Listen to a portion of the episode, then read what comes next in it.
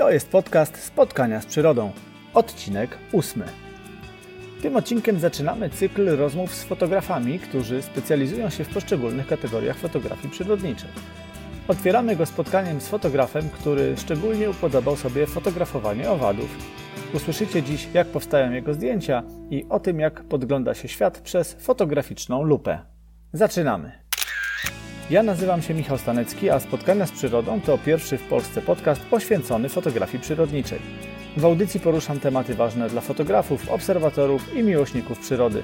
Zapraszam gości, czasem zawodowców, czasem amatorów, ale zawsze pasjonatów przyrody, specjalistów z różnych dziedzin. Jeśli jesteś miłośnikiem natury i chcesz robić coraz lepsze zdjęcia, to ten podcast jest właśnie dla Ciebie. Zapraszam.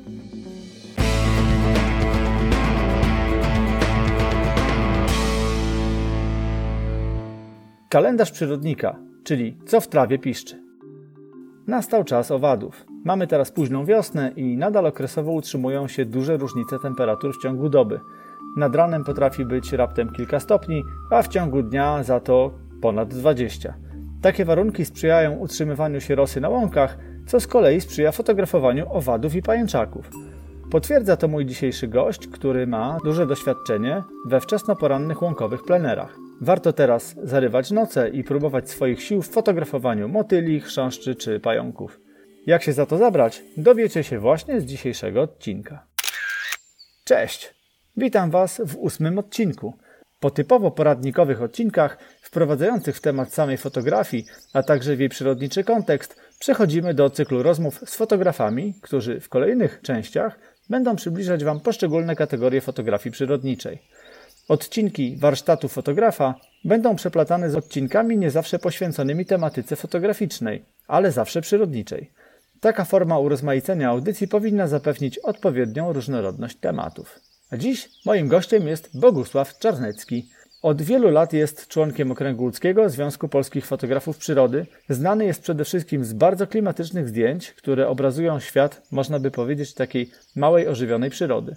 Jest uznanym autorem, a jego zdjęcia owadów zdobyły wiele tytułów i wyróżnień w konkursach fotograficznych. Boguś podzieli się z nami bogatym doświadczeniem i opowie o tym, jak fotografowanie owadów wygląda od kuchni. Kilka zdjęć mojego gościa zamieściłem na stronie odcinka. Zapraszam do wysłuchania rozmowy z Bogusławem. Cześć Michale. Cześć, bardzo dziękuję, że zgodziłeś się wziąć udział w moim podcaście. Jesteś pierwszym z gości, którzy otwierają taki mini cykl w warsztacie fotografa, czyli jakby tematycznie wchodzimy w poszczególne, poszczególne kategorie fotografii przyrodniczej I, i nie jest moim zamiarem tutaj absolutnie jakoś tych gości moich szufladkować, że przypinać łatki, że tutaj tylko tam makrofotografia, a ten to od ptaków, czy ktoś jeszcze od krajobrazów. Natomiast no, wiemy, że każdy ma tam jakiegoś swojego konika i, i tym tropem idąc postanowiłem rozpocząć ten cykl właśnie od rozmowy z Tobą, dlatego że owady. Taki jest dzisiaj temat y, odcinka, a czas jest y, idealny, no bo jest ta późna wiosna i wchodzimy w okres lata, także no w sumie, w sumie duża aktywność cały czas na łąkach. Zanim zaczniemy, mam prośbę, przedstaw się y, słuchaczom, powiedz czym się zajmujesz. Można powiedzieć, zacząłem od, fotografii makro, chociaż tak naprawdę trudno jednoznacznie powiedzieć czemu, czemu akurat to. Najprawdopodobniej podstawą był, było to, że jakieś 15 lat temu po prostu zauroczyły mnie zdjęcia makro. Oczywiście innych y, autorów.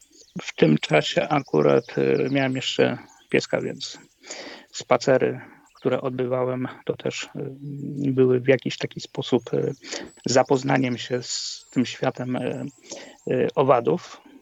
No i po jakimś czasie zakupiłem pierwszy aparat.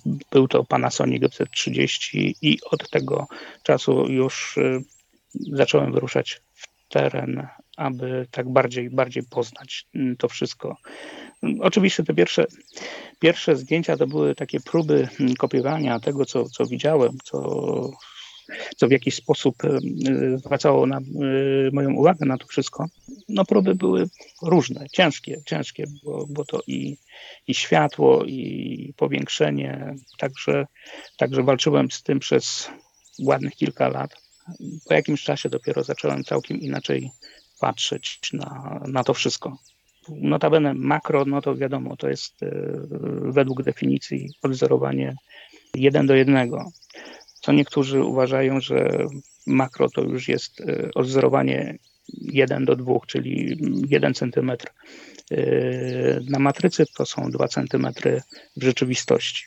Odszedłem od powiedzmy tego, tej nazwy makro mm, na, na rzecz fotografii bardziej fotografii zbliżeniowej, fotografii z bliska, a obecnie nazywam to fotografią, fotografią owadzią. O, bardziej, bardziej to mi pasuje. Wiesz, ja, ja też y, robię trochę zdjęć y, tego typu i też faktycznie nie, y, no nie zawsze patrzę do tego, nie podchodzę do tego w taki sposób, że to typowa makrofotografia. No czasami patrzymy trochę jak przez lupę. No zależy też jaki mamy cel i to chcemy pokazać i faktycznie nieraz jest blisko, jest powiększenie i faktycznie uzyskujemy taki, taki obraz ewidentnie jak przez lupę, natomiast no, to nie musi tak być, bo to czasami jest tak, że ten e, owad jest pokazany z e, wycinkiem pewnego środowiska. Nie skupiamy się na samych niuansach związanych z jego wyglądem, tylko no, otoczeniu. Zresztą do tego dojdziemy, jak te, jak te najfajniejsze kadry są zbudowane, bo tam jest wiele składowych, prawda? I światło, i rosa, no, i tak, tak, tak. To, to, to pewnie za chwilę cię o to o to dopytam. Zanim się e, skupimy na tej e, takiej stronie od kuchni, jak wygląda taki warsztat fotografa, e, to muszę Cię zapytać jedną rzecz, bo kiedyś też się na tym zastanawiałem na własnym przykładzie, ale też mnóstwo ludzi, z którymi rozmawiam i którzy oglądają zdjęcia owadów, pytają mnie o taki lęk przed owadami, jakby trochę się wzdrygając, że te, te owady to może nie do końca, no nie używają sformułowania, że one są brzydkie, ale no coś takiego ludzie często w sobie mają, że mają do, do, do owadów, czy jak mówią robaków, pewien dystans. Ja sam mówię, że po sobie wiem, jak to wyglądało, bo jako mały dzieciak miałem no, wpojony pewnego rodzaju, nie wiem, lęk przed y, owadami, pająkami i tak dalej. Musiałem to potem na stare lata przepracować i właśnie fotografia tego typu bardzo mi w tym pomogła, bo w zasadzie dzisiaj już nie ma po tym śladu i, i, i nie reaguję w jakiś tam nerwowy sposób. Potrafię y, spokojnie z bliska sobie obserwować, podziwiać. Jeżeli gdzieś tam mam bezpośredni kontakt, że nawet po mnie idzie jakiś e, owad, to już nie, nie zachowuje się tak, jak pamiętam, jak byłem dzieckiem, to faktycznie nie było to nic fajnego, ale, ale to wszystko gdzieś tam można w człowieka wpompować, a potem trzeba się z tego wyleczyć. I akurat tutaj ta fotografia zrobiła mi dobrze. Czy, czy myślisz, że to jest tak, że taki lęk przed owadami e, może przeszkadzać mocno i trzeba coś z tym zrobić, zanim chcesz się zbliżyć do tego świata? Czy on cię tak zauroczy, że po prostu gdzieś to siłą rzeczy zejdzie na dalszy plan? Na pewno lęk przed e, owadami przeszkadza.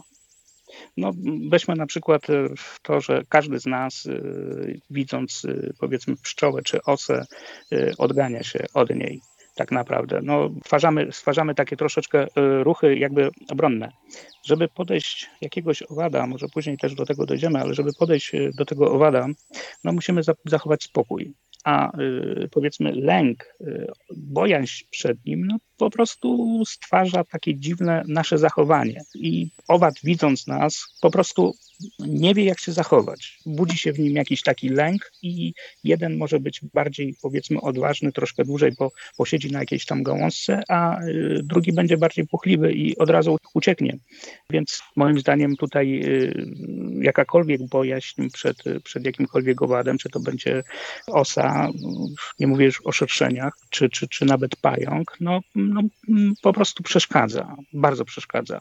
Uważam też, że taka terapia przez y, powiedzmy zanurzenie się w głębokiej wodzie, czyli, czyli wejście powiedzmy w, w, w rój jakichś tam owadów, no, mm, może w jakiś sposób y, tam pomóc, y, przezwyciężyć te lęki, chociaż to nie jest takie wcale proste i łatwe. Do tego potrzeba naprawdę dużo, dużo czasu, samozaparcia i jakby przełamania tej, tej, tej granicy takiej, tego lęku żeby można było powiedzmy gdzieś tam już funkcjonować w tej fotografii.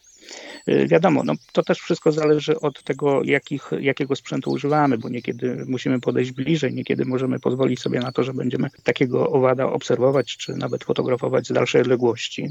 Ale mimo wszystko, no, ten lęk, y, moim zdaniem, na samym początku, no, naprawdę bardzo, bardzo, bardzo przeszkadza. Czyli trzeba to po prostu przepracować. Jest to do zrobienia, bo wiem po sobie, że, że owszem, trzeba było na to trochę czasu, ale no dzisiaj oczywiście gdzieś tak, tam obserwuję z bliska e, szerszenia w akcji, no to nie mówię, że dreszczyku nie ma, bo jednak to jest takie emocjonalne przeżycie, bo to jest po prostu, jak to mówię, duże zwierzę. Natomiast... No tak, no to ja podejrzewam, że można to porównać też do, do powiedzmy do spotkania z wilkiem, czy, czy nawet z jeleniem, gdzieś tam w niedalekiej odległości od siebie, to podobny, podobny zastrzyk adrenaliny na pewno jest. Także tego, tego się nie da ukryć. No. A poza tym też i mi powstał że powiedzmy szerszenie są to e, tak e, agresywne, że, tak. tak, tak, tak, tak, że potrafią, potrafią zabić człowieka. No wiadomo, no, jeśli ktoś jest uczulony, no to jest bardziej zagrożony. Jeśli ktoś nie jest uczulony, to przy powiedzmy jednym ataku przy ataku jednego szerszenia, no, na pewno odczuje to i jakieś tam y, skutki pozostaną y, przez jakiś okres czasu na jego ciele, ale większej, większej jakiejś takiej krzywdy no, po prostu nie zrobi. Musiałby być to naprawdę rój y, szerszeni czy, czy os, czy pszczół. pszczół y, Musielibyśmy je sprowokować jakoś tak, i pewnie tak, można tak. im pomóc w tym, żeby do takiej sytuacji. No oczywiście, no, takie sytuacje powiedzmy przy rujnowaniu gniazd, no to jest, to jest największe ryzyko, no bo y, wtedy szerszenie bronią twojego gniazda i atakują.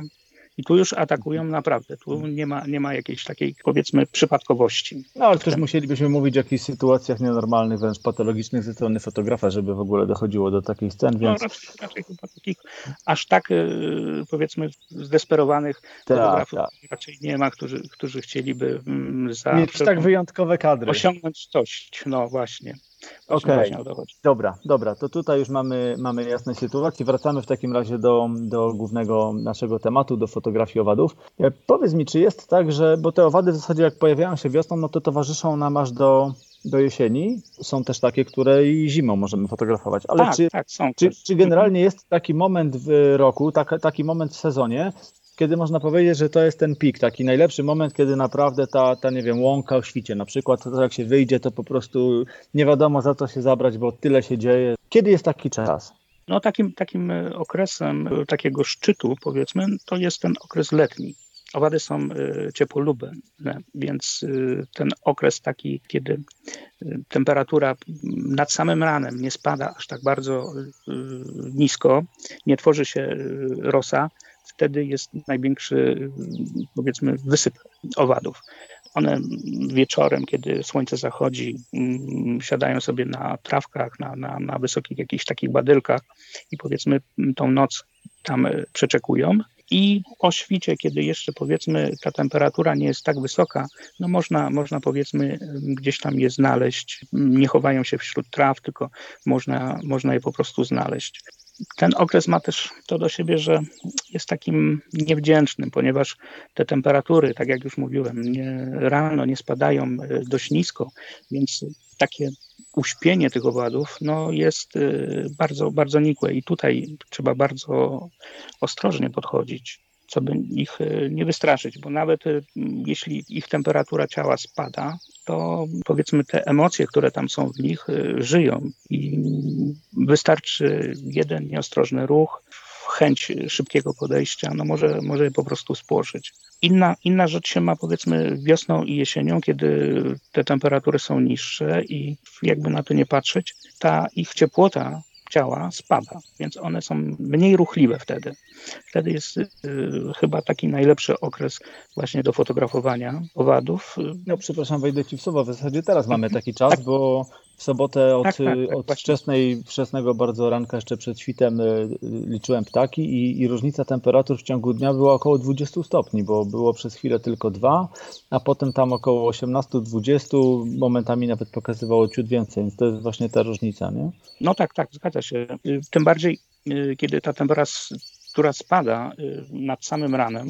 Jest taki y, moment, że kiedy mm, tak gdzieś powiedzmy no godzinę przed wschodem słońca ta temperatura maksymalnie spada o kilkanaście stopni, to w momencie, kiedy wschodzi słońce, tworzy się rosa. To daje też jakiś taki dodatkowy mm, aspekt y, tym zdjęciom. Delikatne światło, które dopiero co wzeszło, plus rosa osiadła na owadach, no ciężko jest to omówić, to trzeba by było zobaczyć tak naprawdę. Nawet zdjęcia, które, które powiedzmy robię ja, czy, czy nawet y, oglądając innych zdjęcia, to nie zawsze oddają ten urok, to, to piękno tego, tego właśnie y, efektu.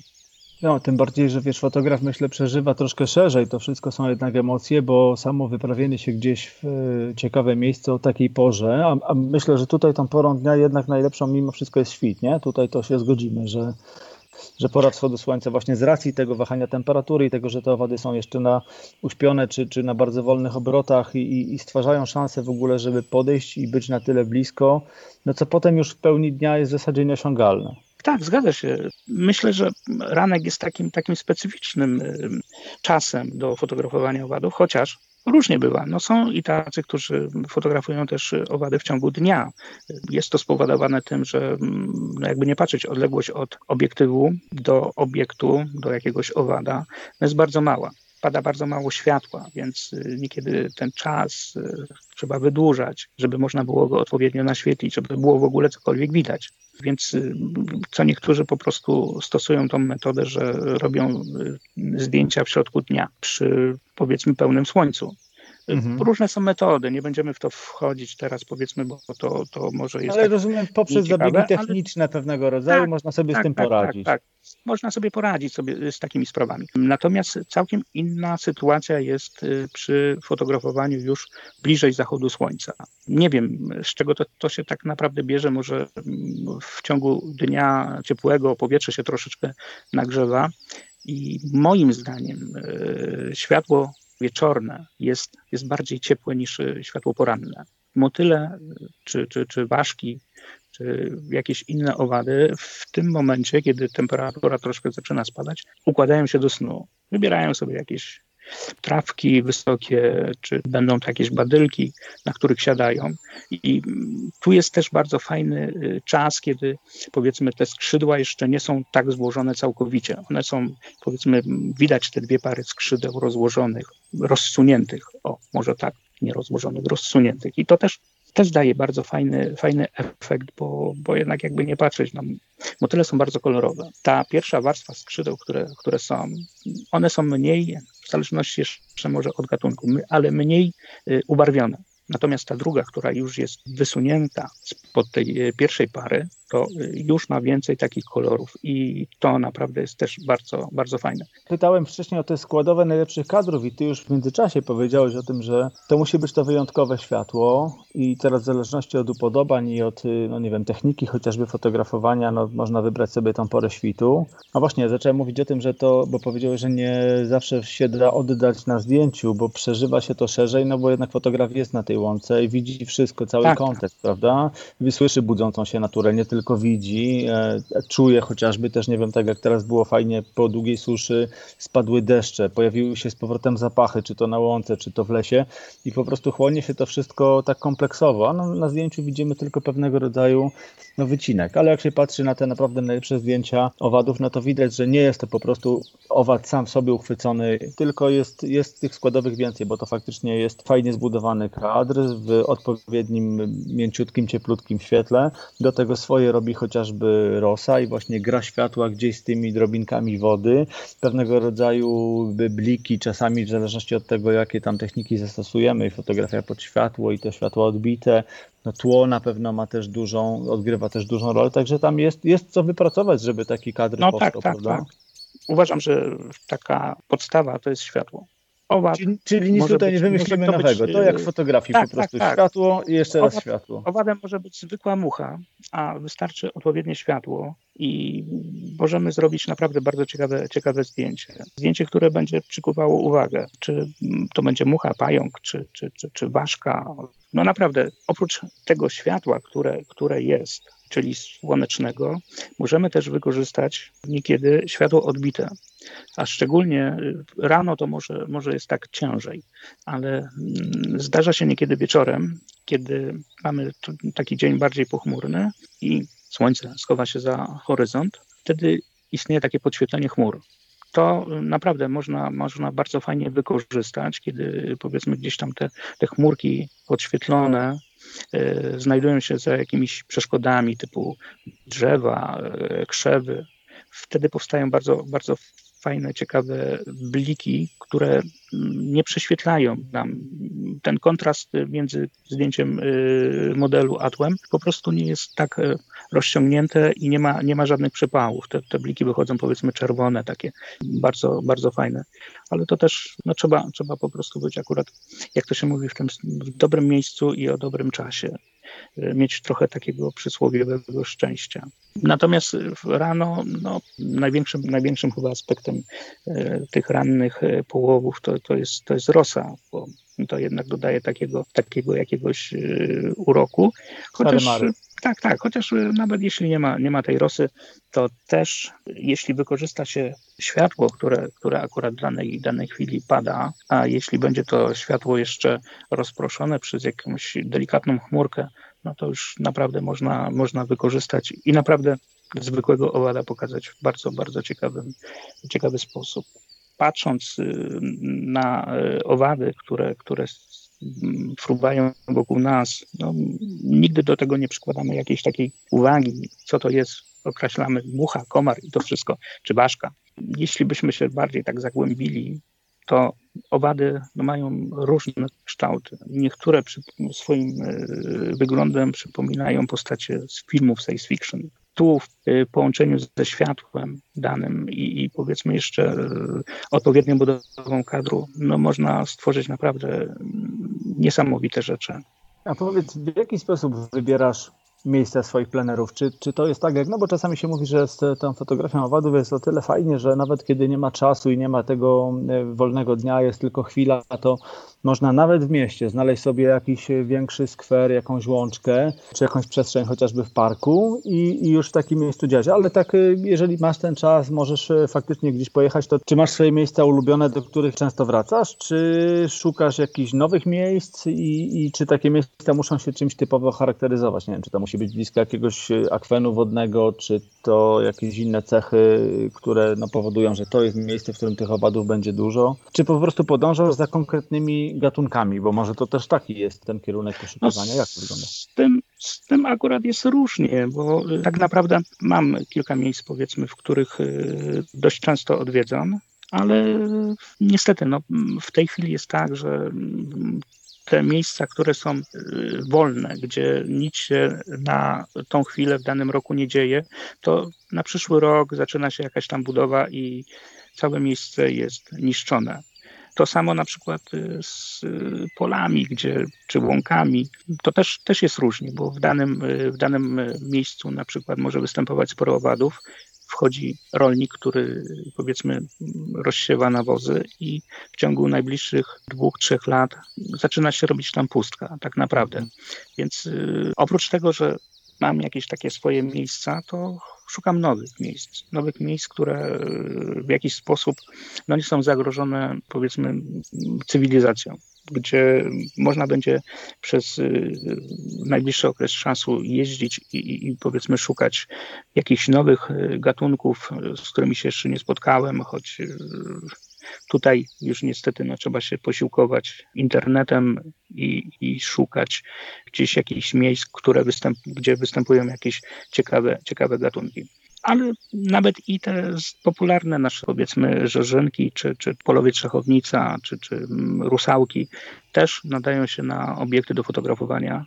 A tym bardziej jeśli chciałoby się wyruszyć na, jakąś, na jakiś, jakiś ciekawy gatunek, więc tutaj można eksperymentować, można uczyć się różnych ustawień, realizować powiedzmy jakieś pomysły, które, które gdzieś tam rodzą się w głowie, a w momencie, kiedy już trafi się okazja na, na jakiś rzadki gatunek, więc wtedy mamy już podstawy do tego, żeby, żeby działać, żeby nie, nie trzeba było się wtedy uczyć wszystkiego od początku.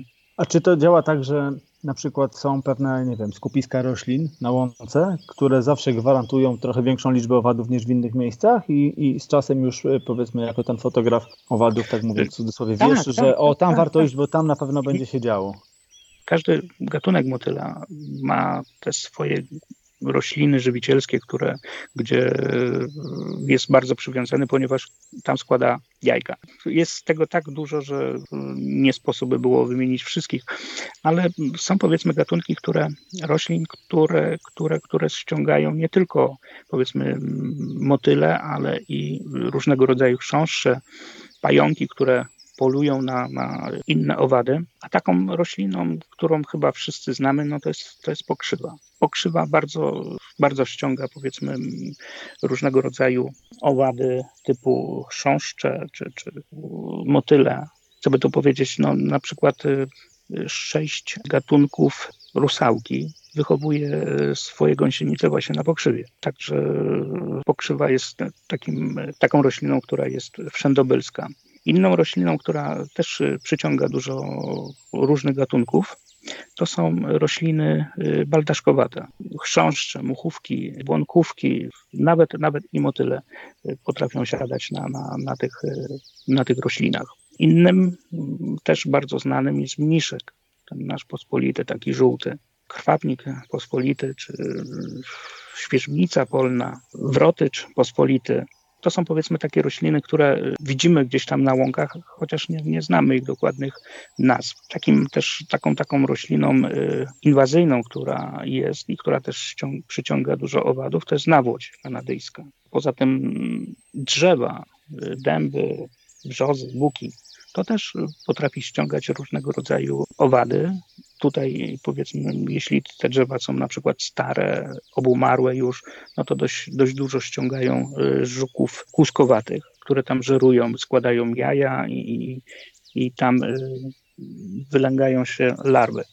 Ale oprócz roślin, no, tak jak już tutaj też wcześniej wspomniałeś, no, trzeba powiedzieć też o siedliskach różnego rodzaju. Przede wszystkim owady trzymają się blisko wody i takie siedliska, stawy, jeziora, no są, to są jednym chyba z najlepszych, z najlepszych miejsc. Pamiętam, gdy zaczynałem swoją przygodę z ptakami, to często było tak, że najpierw fotografowałem ptaka, a dopiero potem się uczyłem, patrzyłem w atlasie, co to za gatunek, czytałem o nim, dowiadywałem się. Może podobnie to wygląda z owadami.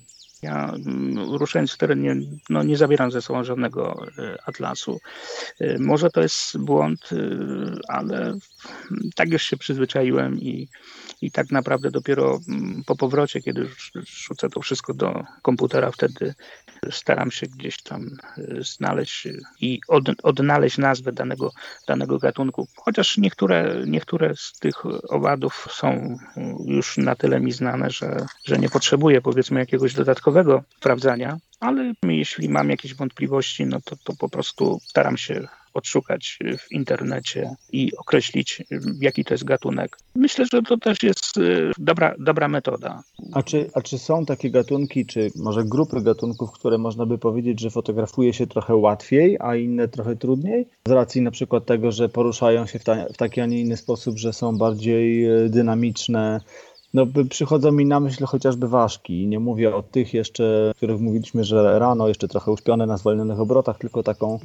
patrolującą teren ważkę w akcji, no to każdy, kto widział, to wie, że są tylko te krótkie momenty zatrzymania, tak naprawdę to jest taka dynamika lotu, że... O. Na pewno są też i gatunki takie, które, których nie da się, powiedzmy, sfotografować tak e, z marszu, ale jest to kwestia chyba wprawy, jakiejś doświadczenia i wtedy, wtedy łatwiej jest zapanować nad, nad e, jakimś owadem. Na pewno te, które są e, w lotach, już pomijam ważki, które faktycznie dni słoneczne w czasie patrolowania swoich terenów są ciężkim obiektem do sfotografowania. Ale weźmy na przykład motyle, szczególnie motyle nocne, które potrafią już pod koniec y, dnia wychodzić na, na polowanie, y, szczególnie tutaj mówię o, o zawisakach, to też są bardzo, bardzo ciężkim tematem do, do ugryzienia. Tylko to jest kwestia wprawy, ćwiczeń, treningów, no i można, można powiedzmy osiągnąć y, jakiś y, konkretny sukces z takimi gatunkami. To jest y, audycja, która jest skierowana głównie do początkujących fotografów, a ja zawsze zachęcam ludzi, idźcie robić zdjęcia tym, co macie, no nie każdą dziedzinę jakby tej fotografii przyrodniczej e, można w ten sposób ugryźć, no bo wiadomo, że jak ktoś tam bardziej chce robić jakieś portretowe zdjęcia ptaków, no to ze smartfonem czy kompaktem tam nie, nie wystartuje. Ale do makrofotografii myślę, że jeśli już ten kompakt jakiś taki w miarę, to podejrzewam, że jak na sam start mógłby być pewnie ok. Tak, kompakt możemy, możemy wykorzystywać kompakty, chociaż y, tak naprawdę no one nie dają nam jakichś dużych możliwości. Co prawda jest y, program makro, które oferują co niektóre kompakty bardziej takie zaawansowane, ale to jednak y, bardzo, bardzo odbiega od definicji, od samej definicji musimy taki kompakcik powiedzmy wzmocnić poprzez jakąś dodatkową soczewkę.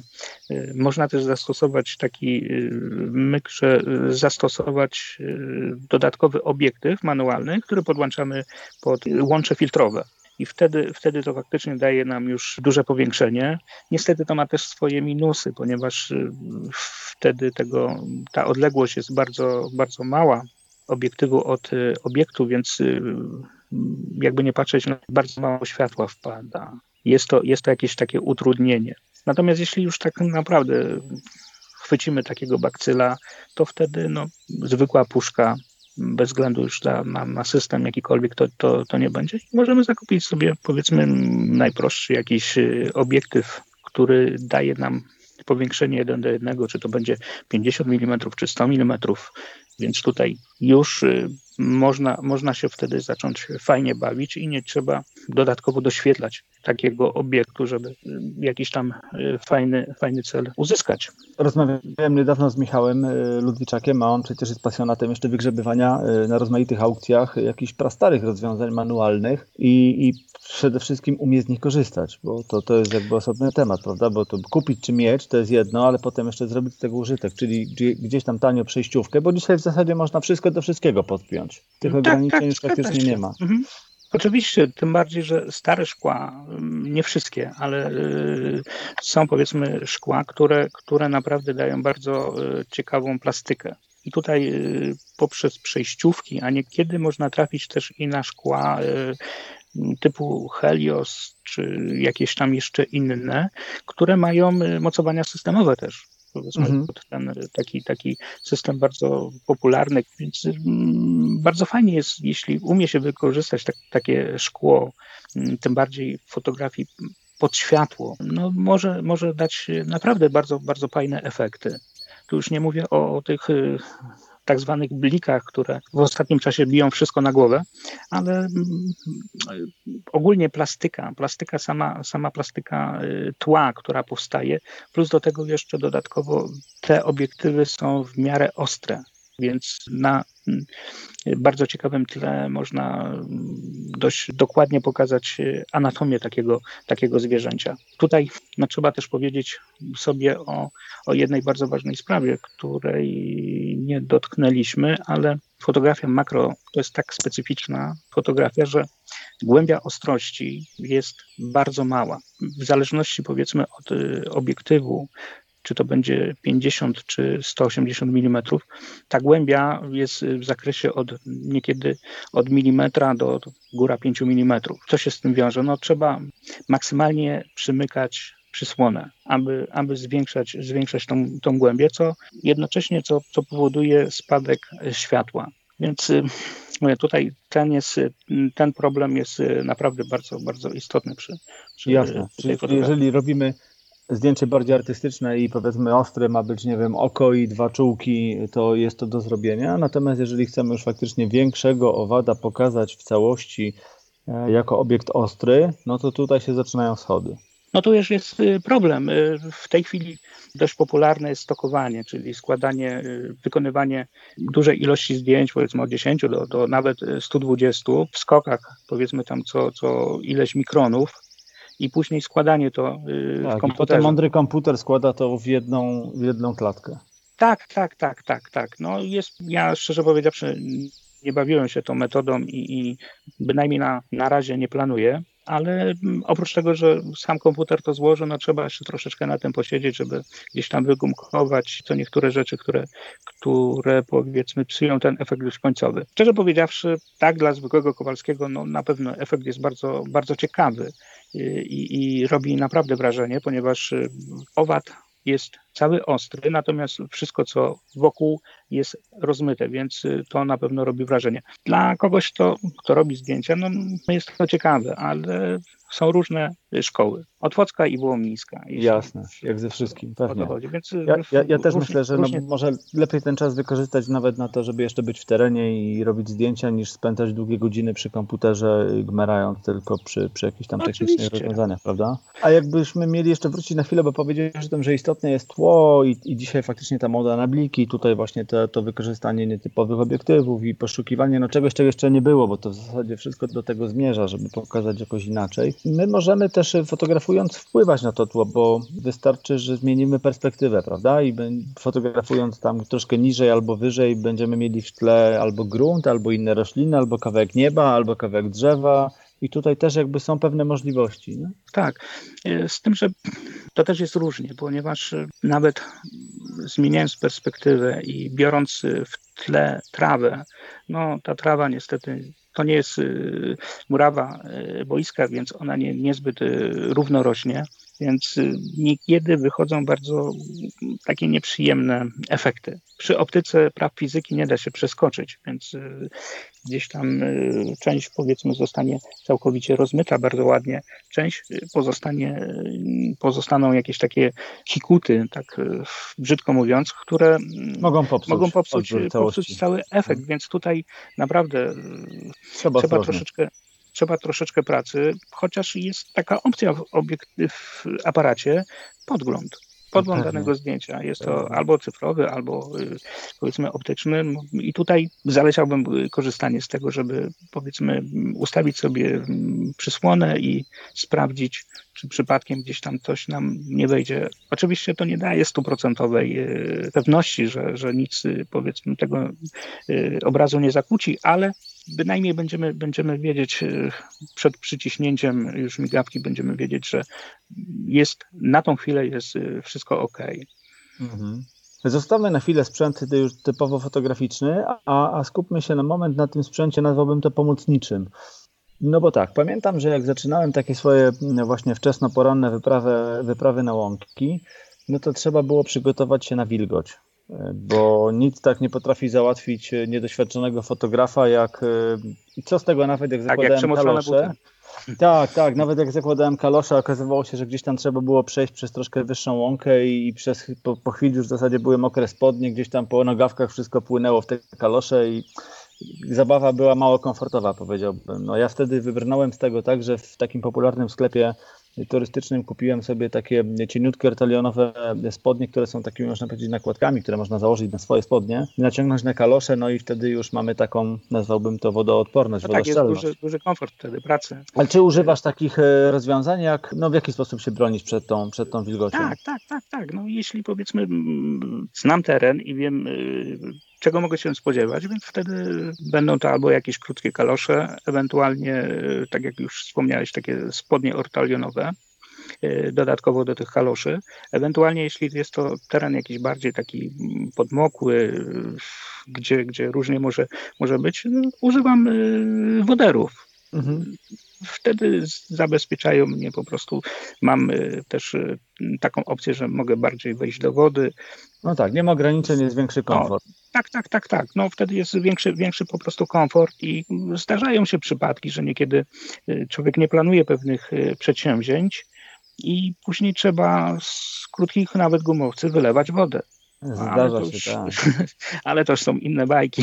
Jasne. Tak a, a słuchaj, ja na przykład jakieś e, nakolanniki albo jakiś kawałek maty, chociażby takiej pianki przyciętej, którą można sobie podłożyć, no bo też długotrwałe na przykład klęczenie, gdzieś ta ziemia czasami jest zimna, już nie mówię, że jest mokra, ale, ale no to też są takie sytuacje, które gdzieś tam dają jakiś dyskomfort. No na kolanników nie używam, nigdy nie używałem i tak szczerze Bo powiedziawszy. Widziałem jakoś... w fotografów, którzy mieli nawet takie ogrodnicze bodajże, to są chyba Tak, tak, tak, są, są. Można, można powiedzmy zakupić, no nawet w sklepach budowlanych też można zakupić takie nakolanniki do, do pracy. Czegoś takiego nie używam, ale mata, no to jest, to jest jednak podstawa. No nie da się ukryć, większość owadów to są, to są owady, które siedzą na trawach siłą rzeczy trzeba się tutaj troszeczkę pochylić i kłaść tak na łąkę zroszoną bezpośrednio, no, to jest mały komfort tak naprawdę, więc tutaj trzeba, trzeba wykorzystać, wykorzystać jednak tą matę, żeby podłożyć, żeby można było się położyć. Są różne metody. Ja na przykład y, nie korzystam z jakichś y, y, okularów kątowych, żeby można było sobie polepszyć ten komfort pracy czy nawet z odchylanego ekraniku. Mhm. Zresztą z ekraniku nigdy nie korzystałem. Korzystam tylko i wyłącznie z wizjera, więc czasami no, muszę się po prostu przysłowiowo wtulić w tą trawę. Mhm. I tutaj no, bez maty, no to, to by było tak mm, mało przyjemne, mało komfortowe. Jasne. Więc to, to trzeba ze sobą zabrać. Nawet y, jeśli, jeśli tylko i wyłącznie uklęknąć, no to też można sobie ją tam w jakiś sposób złożyć i uklęknąć. No, daje to naprawdę dużo, duży komfort i wygodę. A taki rekwizyt, bez którego fotografowie, no już nie mówię tylko o makrofotografii czy fotografii owadów, ale w ogóle fotografowie nie wyobrażają sobie pleneru czy sesji, czyli statyw. Tak, tutaj są różne, też jak powiedziałem, szkoły, ale wydaje mi się, że statyw, w szczególności tutaj przy fotografowaniu statycznym owadów, jest wymagany. Tym bardziej, jak już wspominałem wcześniej, ten czas ta głębia i, i, brak światła, no tutaj, aby utrzymać stabilnie aparat, no naprawdę trzeba by było y, żelaznego uścisku, a raczej, raczej nie, ma, nie ma takich ludzi, którzy by sobie na to pozwolili w tym czasie. Więc statyw no, jest podstawą działania. Może być to duży statyw, może być też y, taki mały statyw stołowy, tym bardziej jeśli chodzi o fotografowanie owadów w trawie. To naprawdę bardzo, bardzo pomaga. Plus do tego jeszcze można sobie wykorzystać worek z grochem, który który pozwala nam na to, że położymy mm, aparat bezpośrednio na ziemi, czyli między ziemią a aparatem będzie ten nasz worek z grochem i on nam ustabilizuje też ten sprzęt. Tym bardziej, że y, robiąc zdjęcia, niekiedy, niekiedy owadą mm, wcześniej rano, niekiedy ten czas y, naświetlania jest w granicach jednej sekundy, czy nawet dłuższy, więc y, tutaj trzeba też wykorzystywać y, wężyk spustowy, ewentualnie y, pilota. No po prostu to nie też, inaczej, tak, tak, trzeba się wspierać no, więc... taką stabilnym ustawieniem. Mhm. A worek z grochem, jak mówisz, no to w ogóle bardzo, bardzo przydatny rekwizyt, bo w innych dziedzinach fotografii przyrodniczej też się fajnie sprawdza, na przykład przy fotografowaniu z auta. Auto czasami jest dobrą czatownią, jak się fotografuje czy ssaki, czy ptaki to też można sobie gdzieś tam na otwartą szybę wrzucić taki worek z grochem, a przejść na tym aparat i też jest niezła, niezła stabilizacja, także to jest faktycznie takie tak. jedno z tańszych chyba rozwiązań, bo fotografia nie jest tają zabawą, a, a tutaj akurat można sobie naprawdę poradzić. Chciałem zapytać w takim razie jeszcze jedną rzecz. Jeżeli wiesz, że masz e, czas, że to będzie powiedzmy jakiś tam e, weekendowy poranek, kiedy możesz jechać, no i zapada decyzja, że ruszasz e, na zdjęcia, to jak wygląda samo zaplanowanie i jak potem wygląda organizacja takiego, takiego przykładowego pleneru? Pierwsze co to prognoza? Prognoza pogody? Zdecydowanie, zdecydowanie. No, powiedzmy, no samo przygotowanie to y, raczej nie różni się niczym od przygotowania tasiarza czy, czy fotografa krajobrazu, po, ponieważ y, no, trzeba przestudiować y, mapy pogody i to nie jedną, nie jedną aplikację, ale kilka aplikacji, żeby można było powiedzmy wyciągnąć jakieś, jakieś, jakieś wnioski. No, jeśli to jest poranny wyjazd, no to wiadomo, wieczorem przygotowanie wszystkiego sprzętu, tak żeby, żeby rano już można było się tego spakować. Przy mm, owadach jest o tyle dobrze, że nie musimy być godzinę, czy nawet wcześniej przed świtem, żeby nie, e, tak jak ptasiarze, żeby nie, nie płoszyć ptaków, e, żeby wejść do, do czatowni. Tutaj wystarczy nam parę minut przed świtem, ponieważ zdarza się tak, że tych owadów, kiedy wchodzi słońce, jeszcze ich nie ma. Dopiero kiedy pokażą się pierwsze promienie słońca, to one zaczynają wtedy wychodzić gdzieś tam z ukryć, z traw, aby e, nabierać ciepłoty, osuszać powiedzmy skrzydła. Nie ma, nie ma takiej, takiej potrzeby, żeby, żeby powiedzmy bardzo, bardzo, bardzo się spieszyć. Natomiast dalej no to już przebywa, przebiega to chyba tak samo jak wszędzie. No, gdzieś tam oprócz powiedzmy zasiadki. No, chodzi się gdzie, po, po łące, wyszukując powiedzmy jakichś ciekawych owadów, ciekawego światła dodatkowo, czy tła, czy nawet jakiejś ciekawej akcji, która może się rozgrywać. To jeśli chodzi powiedzmy o takie e, plenery e, zaplanowane wcześniej, ale przy owadach jest tak, że niekiedy te wyjazdy są spontaniczne. Powiedzmy, robi się jakaś e, ciekawa pogoda, zapowiada się człowiek patrzy przez okno, coś ciekawego się zapowiada, więc wtedy szybciutko w jakieś takie niedalekie, znane miejsce i wtedy też można coś ciekawego y, osiągnąć.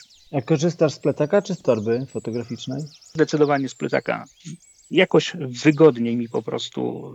Zdarza mi się niekiedy, że w czasie pleneru muszę przejść kilka kilometrów. Jednak torba jest mało komfortowa.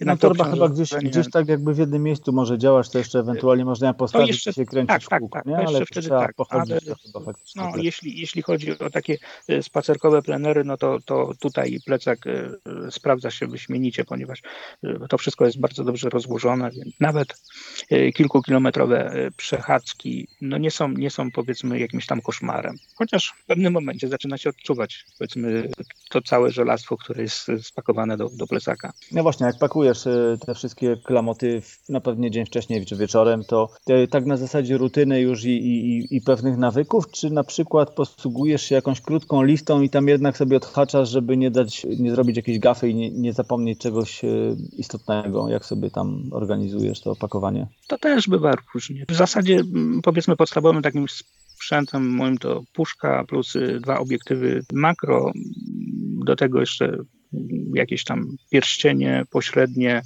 i kilka obiektywów takich pod M42, tych starych, jeszcze manualnych. Mhm, mhm. Sprzęt fotograficzny to raz, sprzęt pomocniczy, czyli kalosze, mata, to o czym mówiłeś. No nie musisz się maskować, to tutaj chyba masz trochę łatwiej, nie? Niż y, ptasiarze i inni y, fotografowie. Tak, że... tak, tak. Tutaj y, powiedzmy, no, nie, ma, nie ma jakiejś takiej potrzeby, żeby, żeby zakładać strój maskujący.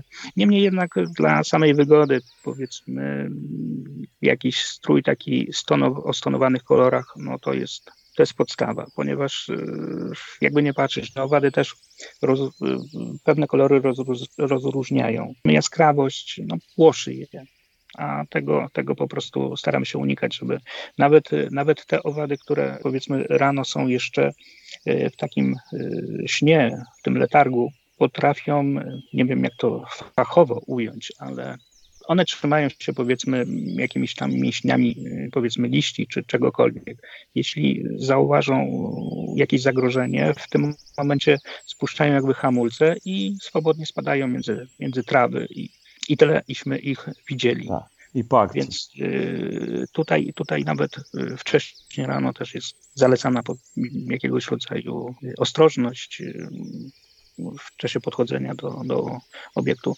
Wiadomo, że jak on już przyzwyczai się do naszej obecności, wtedy możemy, możemy powiedzmy obejść go nawet y, z każdej jednej strony i zrobić niesamowicie wiele, wiele zdjęć. Ale mm, pierwsze kroki, no trzeba go po prostu do naszej obecności przyzwyczaić, żeby on mm, poczuł, że nic mu, nic mu nie zagraża.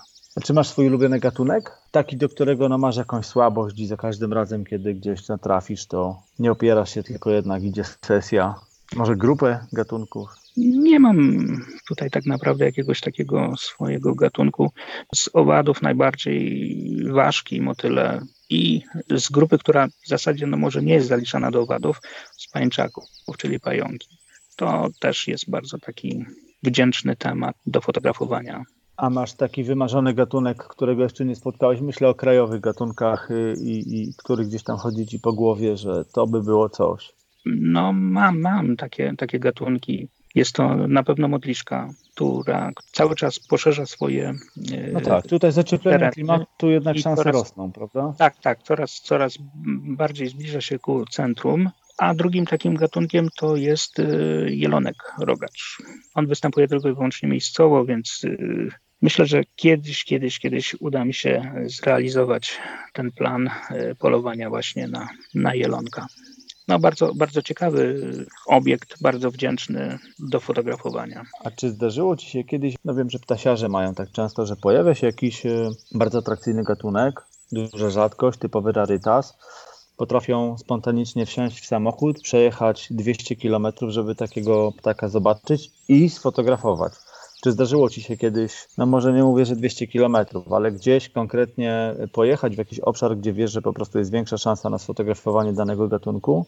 no nie mam aż takiego parcia, powiedzmy, na to, że muszę mm, jakiś, jakiś obiekt y, natychmiast fotografować.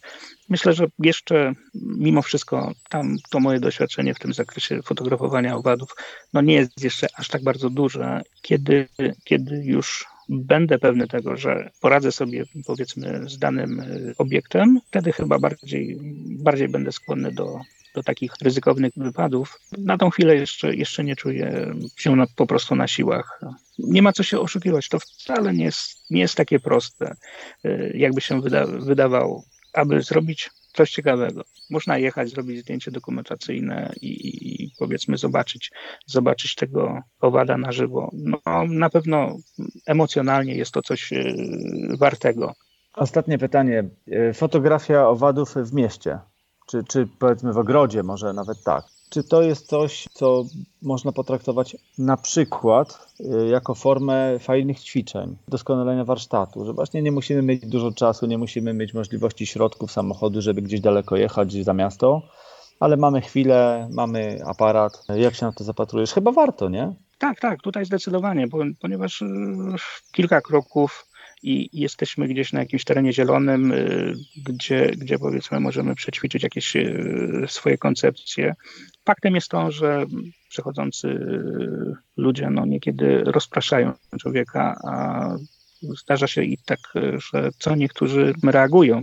Mnie zdarzyło się kilkakrotnie tak, chociaż byłem gdzieś tam poza, poza terenem, w którym osoby, jakie, jakiekolwiek osoby się przemieszczają, to zdarzyło mi się, że mm, robiłem jakieś zdjęcie leżąc i, i, i e, jakaś para, która przechodziła obok, no, zrobiła troszeczkę alarmu, bo wystraszyli się, że coś mi się po prostu stało.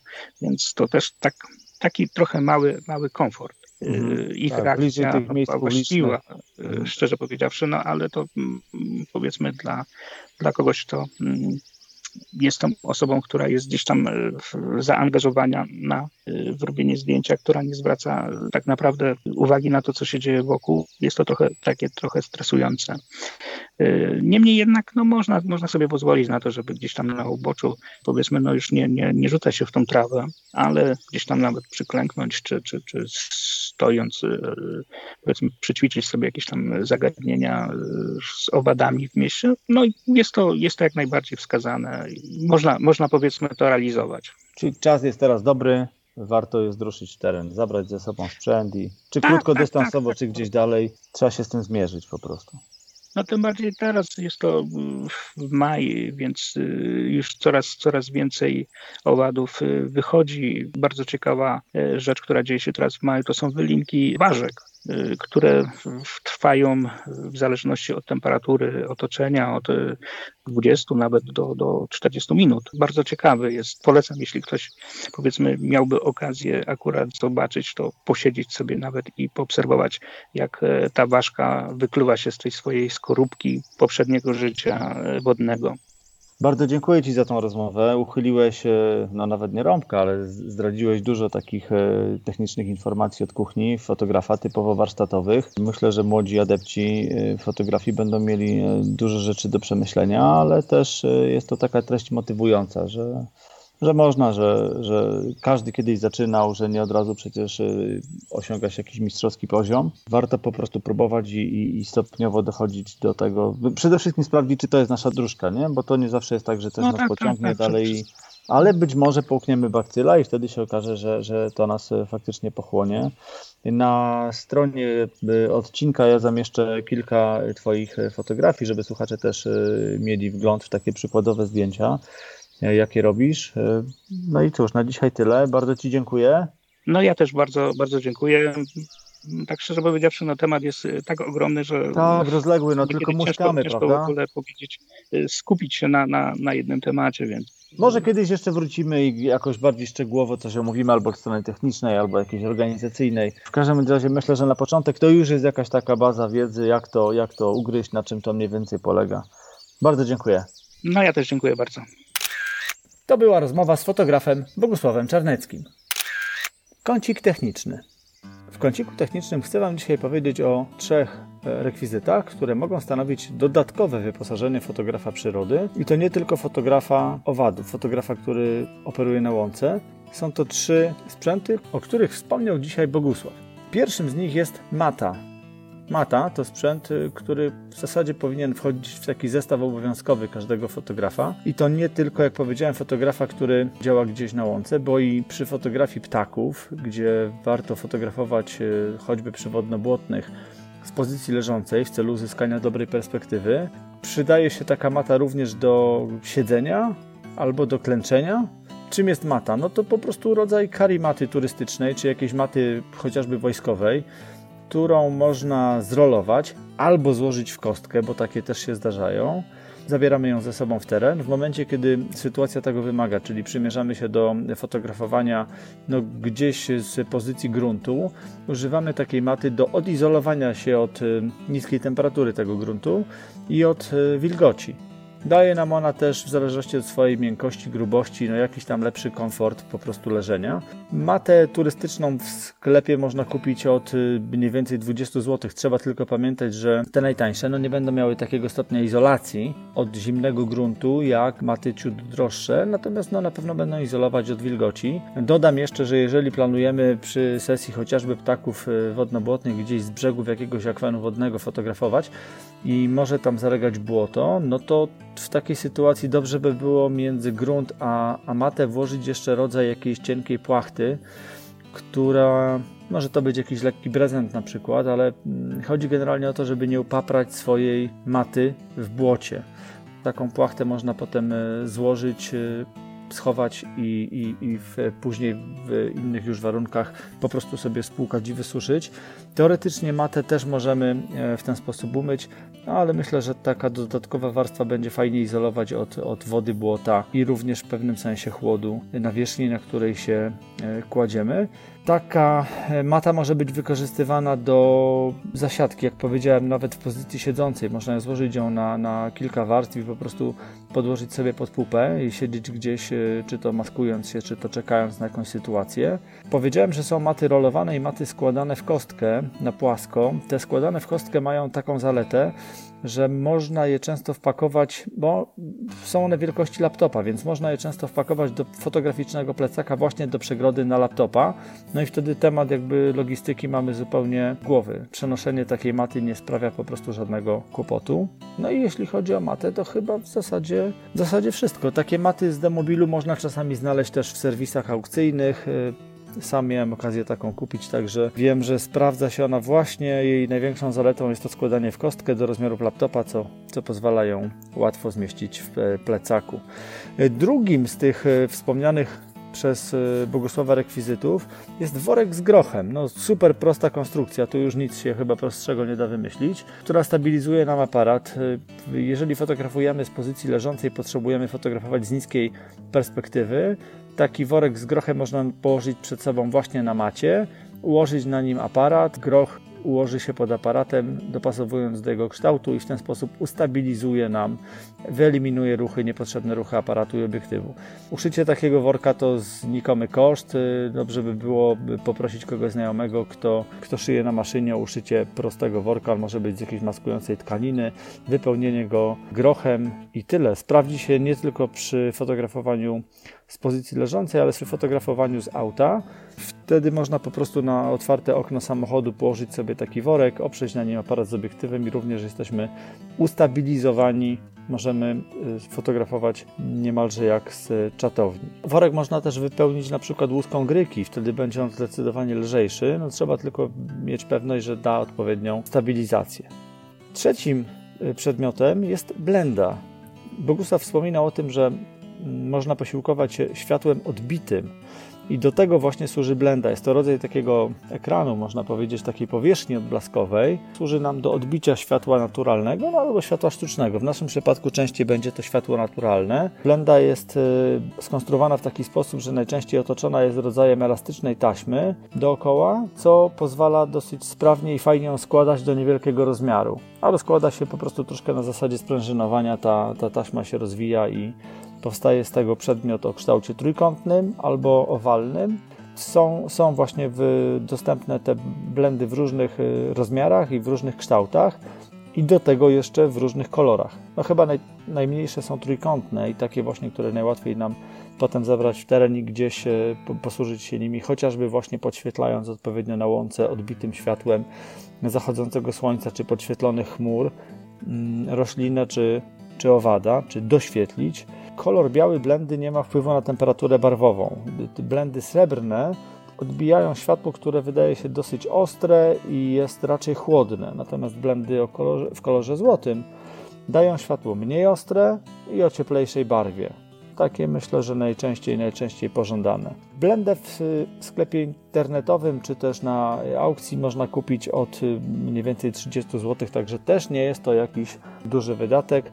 Złożona do rozmiaru kartki A5 albo po prostu mała blenda też zmieści się jako płaski przedmiot w plecaku, prawie nic nie waży, więc gdzieś przy wyprawach y, typu, typu łąka czy jakaś makrofotografia może być bardzo fajnym i pomocnym gadżetem.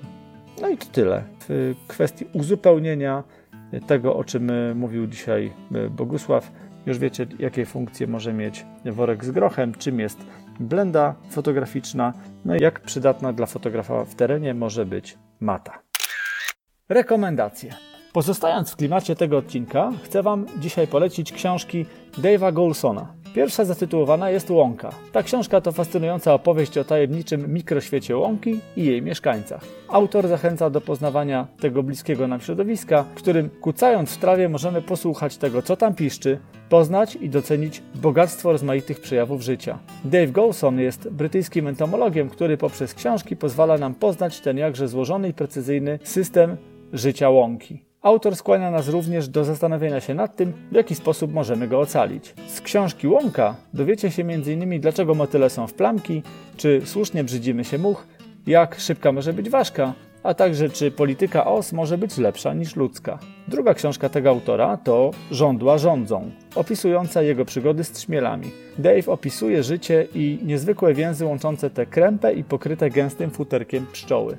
Nieagresywne i tak potrzebne środowisku autor przestrzega przed zagrożeniami, które mogą mieć katastrofalne dla trzmieli skutki. Zachęcam do lektury, bo łąka i żądła rządzą to fantastyczne gawędy splatające naukową wiedzę z lekkością pióra autora. A dzisiaj to wszystko. Mam nadzieję, że z przekazanych Wam w tym odcinku treści wyciągniecie dużo dla siebie i będzie Wam łatwiej wejść w temat fotografowania małej ożywionej przyrody. Ruszajcie w teren, miejcie otwarte oczy, róbcie zdjęcia, szlifujcie warsztat i zdobywajcie nowe doświadczenia. Korzystajcie z długich dni i zmienności dynamiki pogody. Jeśli podoba Wam się mój podcast, to możecie go polubić w źródłach, z których go słuchacie. Możecie go subskrybować albo udostępniać swoim znajomym. Takie działania to dla mnie możliwość pozyskania nowych słuchaczy, a dla podcastu dodatkowa promocja. Dziękuję Wam za słuchanie kolejnych odcinków. Rosnące liczby w statystykach podcastu ciągle motywują mnie do dalszej pracy. Dziękuję za dziś. Naturalnie usłyszymy się za tydzień. Cześć!